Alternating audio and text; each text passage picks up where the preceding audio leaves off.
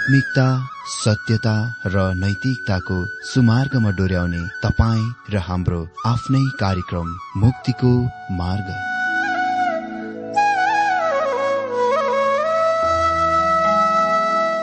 आदरणीय श्रोता यस मुक्तिको मार्ग कार्यक्रममा हार्दिक स्वागत छ।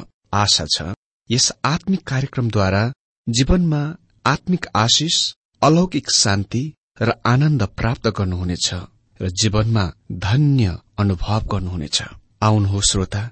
मन र आत्माको तयारीको लागि यो मिठो अनि मधुर भजन गीत सुनौ।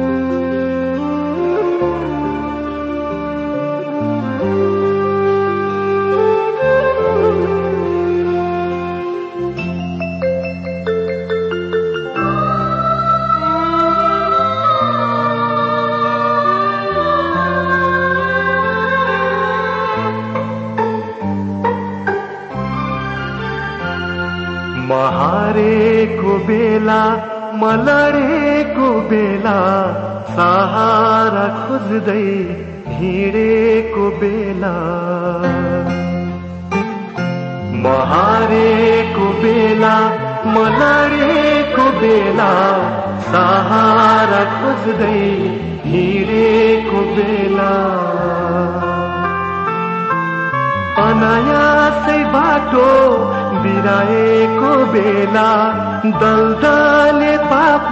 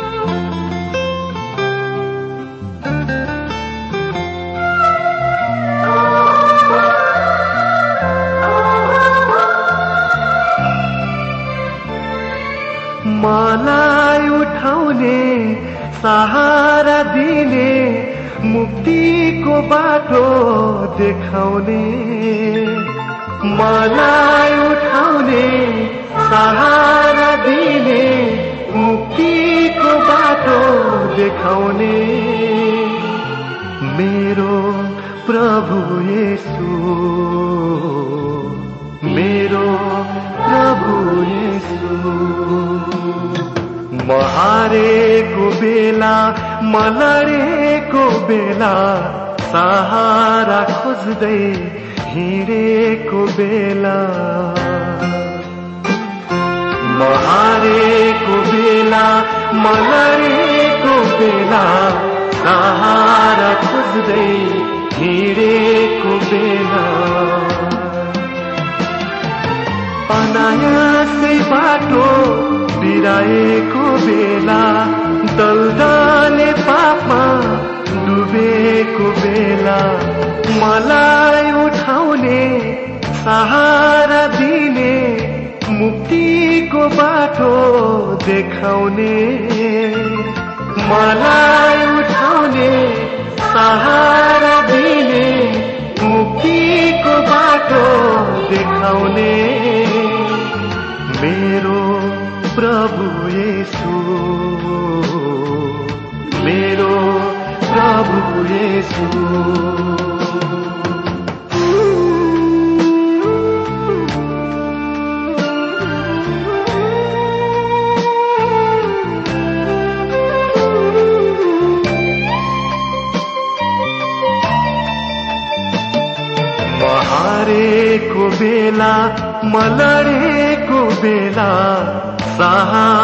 खोज्दै हिँडेको बेला।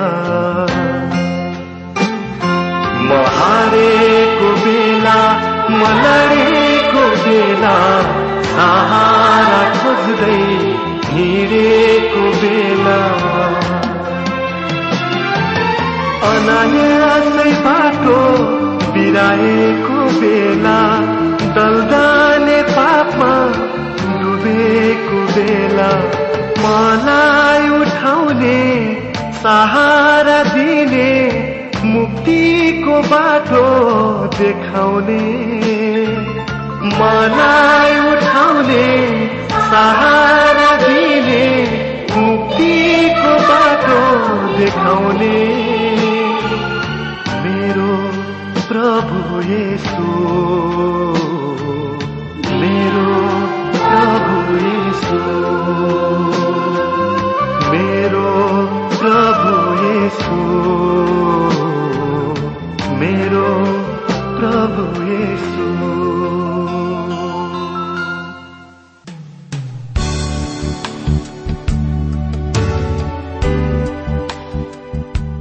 श्रोता यो प्रसारण मार्फत यो अवगत गराउन चाहन्छौ कि प्रभुको सेवाको लागि यहाँहरूको साझेदारी नित्यन्त आवश्यकता छ। यहाँहरूले प्रार्थनाको साथसाथै आर्थिक सहायता गर्न अनुरोध गर्दछौ। तपाईँहरूको सानो भन्दा सानो भेटी किन नहोस्? हामी प्रभुको नाममा स्वीकार गर्नेछौ प्रभुको सेवाको लागि। तपाईँहरूको यो सानो लगानीले कसैको जीवनमा भिन्नता ल्याउँछ? अनि प्रभुको महिमा हुन्छ।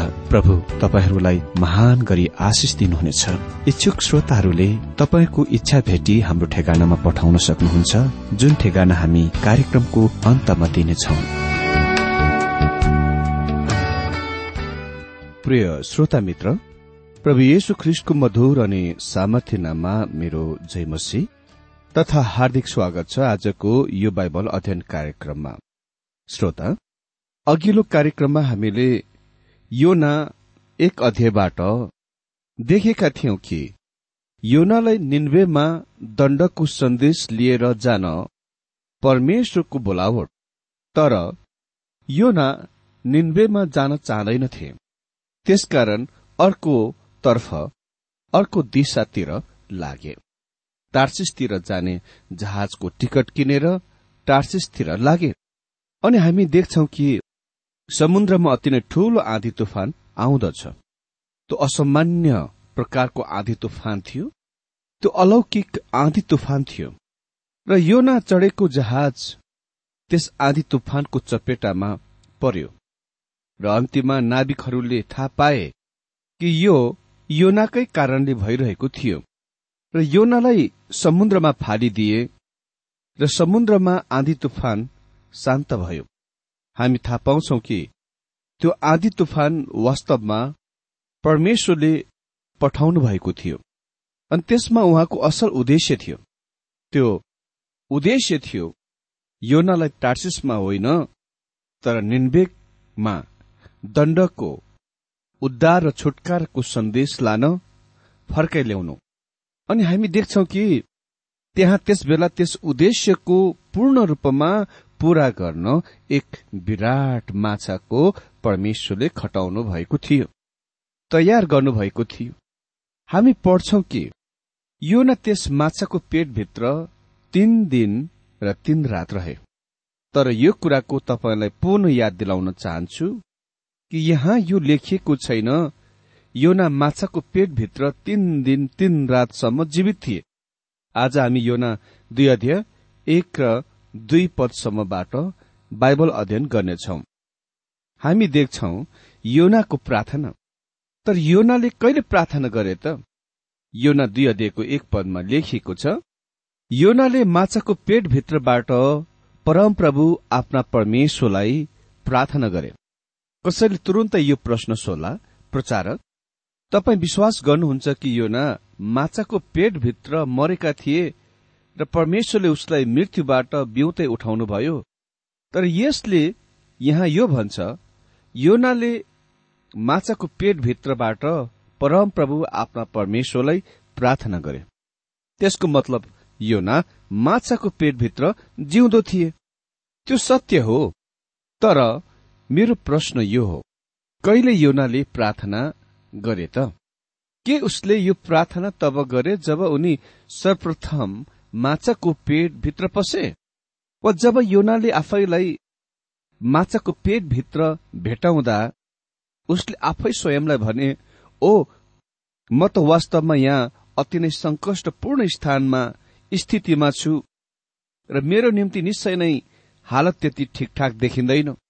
म परमेश्वर कहाँ पठाउनलाई प्रार्थनाको तयार गर्न चाहन्छु ताकि उहाँले मेरो प्रार्थनाको सुन्नु र उत्तर दिनुहुनेछ। के उसले आफ्नो प्रार्थनाको लेख्न निर्णय गरे र केही दिनहरूको सम्म यसको काम गरे अभ्यास गरे र त्यसको कण्ठस्थ गरे र त्यसपछि उसले तेस्रो दिनमा त्यो प्रार्थनाको परमेश्वरलाई भने यदि योनाले त्यसो गरेको भए तब मेरो यो त्यस्तो अर्थ खुलाइ गलत हो कि योना माछाको पेटभित्र मरेका थिए भन्ने मेरो अर्थ खुलाइ। तर यदि मैले मानव स्वभावको थाहा पाए अनुसार योनाले यो प्रार्थनाको प्रार्थना गर्न त्यति लामो समय पर्खिएन जब उसले आफै स्वयंलाई यो अवस्थामा पाए तपाईँ एक कुरामा निश्चय हुन सक्नुहुन्छ उसले तुरुन्तै परमेश्वरको सामने प्रार्थना गर्न आरम्भ गरे। भन्नु नै पर्दा जब उनी माछाको मुखबाट भएर पेटतिर गइरहेका बेला माछाको पेटभित्र नपुगिन्जेलसम्म जुन आमेन भन्ने समय थियो उसले मनमनै प्रार्थना गरे। मानिसहरूले संकष्टको समयमा तयारी प्रार्थनाहरूको प्रार्थना गर्दैनन्। जब अति नै ठूलो संकष्ट आउँदछ तिनीहरू तुरुन्तै प्रार्थनामा जान्छन् र परिस्थिति अनुसारको प्रार्थना गर्दछन्। म तपाईँलाई भनौँ उसले त्यो प्रार्थना तुरुन्तै तत्कालै प्रार्थना गरे जब संकष्टपूर्ण समय आयो। अनि त्यस बेलामा नै तपाईँ प्रार्थना गर्नुहुन्छ। आपतकालीनको समयमा प्रार्थना गर्न तपाईँ पर्खनुहुन्न। मलाई एक समयको याद छ जब हामी हवाई जहाजमा यात्रा गरिरहेको बेला अति नै खराब मौसममा फस्यौं। अनि त्यो खराब मौसम अति नै धेरै भयानक थियो। जुन क्षण जहाज उत्रन लाग्यो यो मलाई यस्तो देखाइ पर्यो कि यो कदापि तल झर्ने वा उत्रिने कुरा रोकिने छैन। र तल सतहमा बजारिनेछ मैले प्रार्थना गर्न सुरु गरे। मैले भनिन कि म तबसम्म पर्खनेछु जबसम्म हामी जहाजबाट सुरक्षित बाहिर निस्किआउँदैनौ। मैले यो भनिन कि मैले प्रार्थना गर्न भन्दा पहिले म यो आँधीबाट बाहिर ननिस्किन्जेलसम्म पर्खन गइरहेको छु। मैले त्यसै क्षणमा प्रार्थना गर्न सुरु गरे।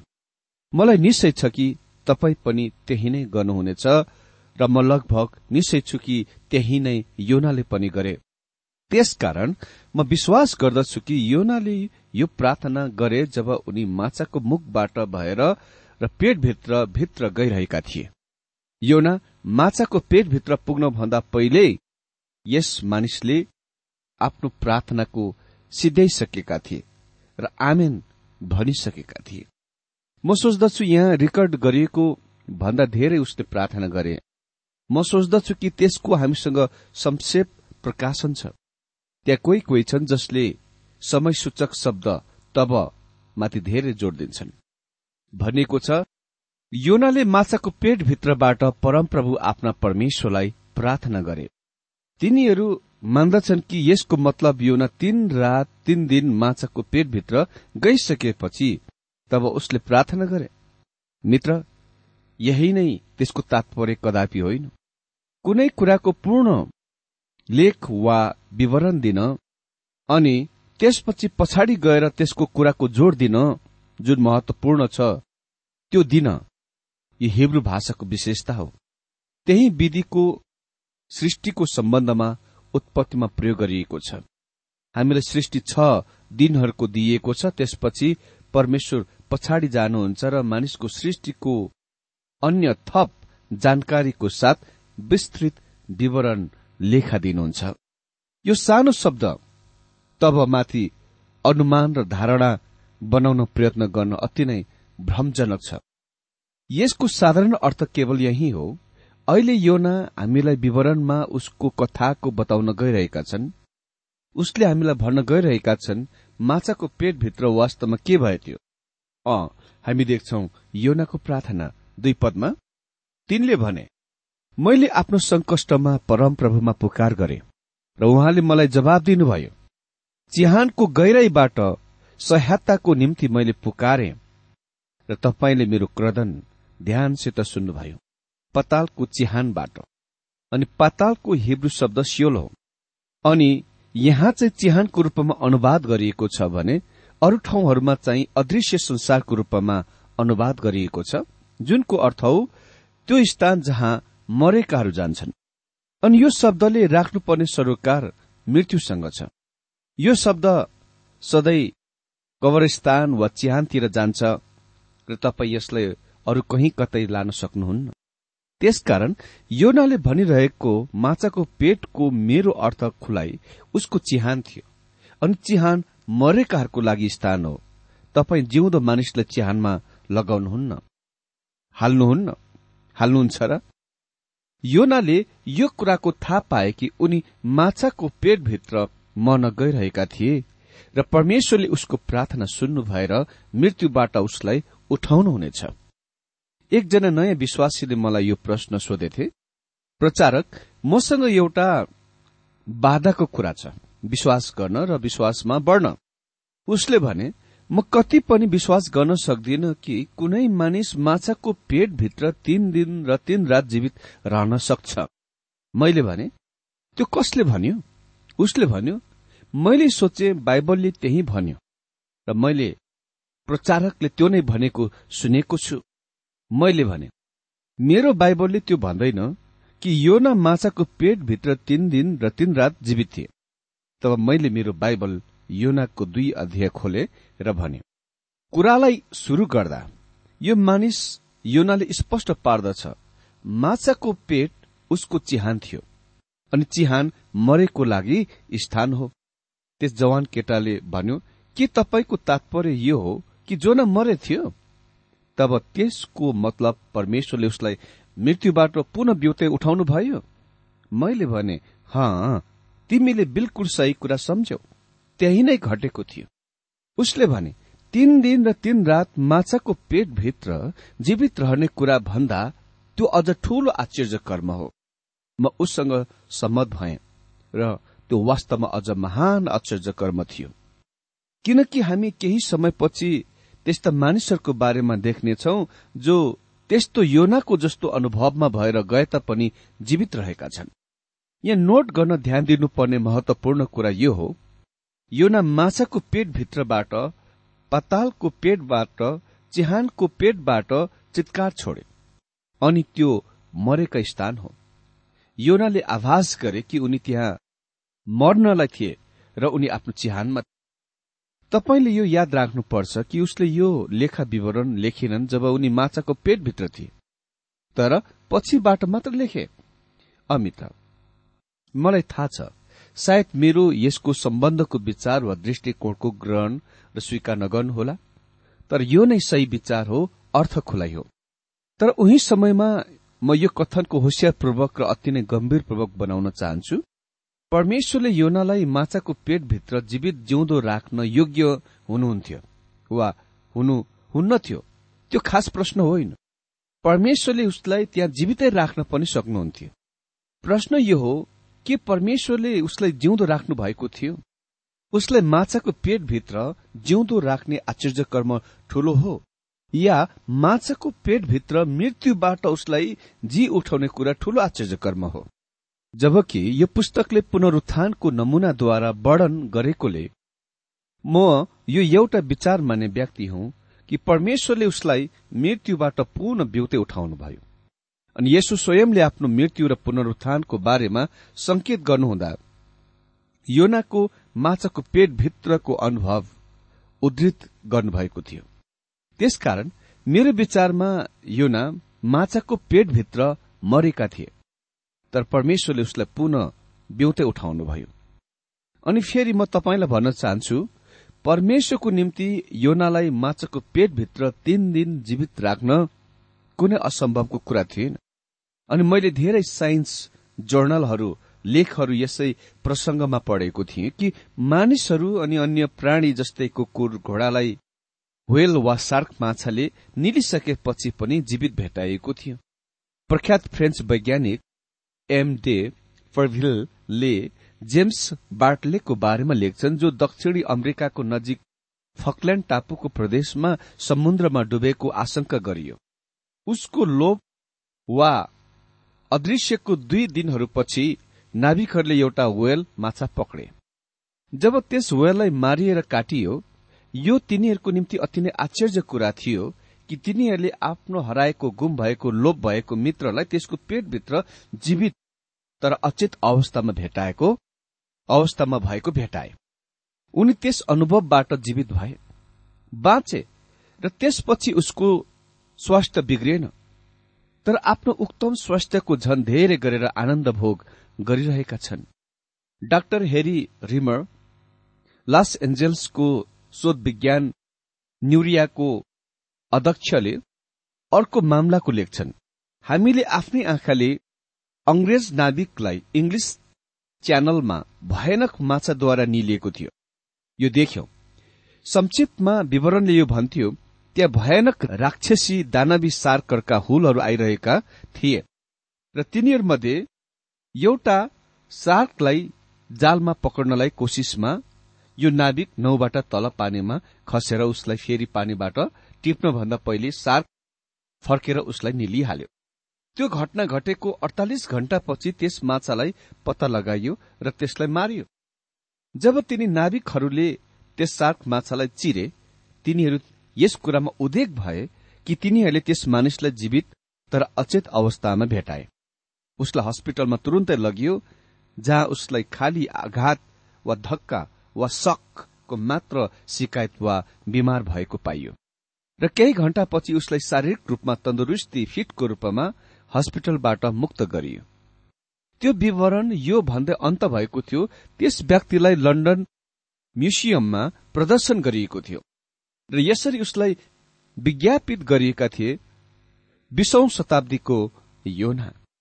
उन्नाइसौ छब्बीस इस्वी सम्बतमा डाक्टर रिमरले यस मानिसलाई भेटेर उसले लेख्छन् यो मानिसको शारीरिक रूप असामान्य विचित्र थियो। उसको शरीर रौं वा भुत्ला रहित थियो र उसको सम्पूर्ण छाला चर्महरू पहेँलो खैरो रंगको दाग धब्बाहरूले ढाकिएको थियो। यदि यी दुई मानिसहरू विशाल माछाको पेटभित्र दुई दिन र दुई रात जीवित रहन सके यसले यो तथ्यको प्रदर्शन गर्दछ कि मानिस माछाको पेटभित्र जीवित रहन सक्छन्। अनि सायद कसैले भन्ला त्यसो भए किन तपाईँ विचार गर्नुहुन्न कि योना तीन दिन र तीन रातसम्म जीवित थिएनन् त? अमित्र मानिलिउ सायद उनी तीन दिनसम्म जीवित रहेका भए। त्यसो हो भने अरूहरू पनि उनी जस्तै अनुभवहरूमा भएर जाने भएकोले गर्दा त्यो कुनै महान परमेश्वरको आश्चर्य कर्मै भएन नि। म विश्वास गर्दछु कि सबभन्दा महान आश्चर्य कर्म यस तथ्यमा छ कि परमेश्वरले उसलाई मृत्युबाट बिउते उठाउनु भयो। फेरि म तपाईँलाई याद दिलाउन चाहन्छु।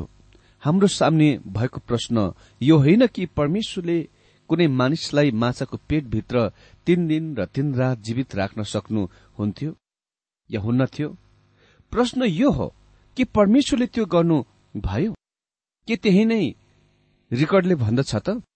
परमेश्वरले आजको यो बाइबल अध्ययनमा हामीलाई धेरै धेरै आशिष दिनुभएको होस् र आगामी दिनमा हामी यसको प्रसंगमा निरन्तर अध्ययन गर्नेछौं।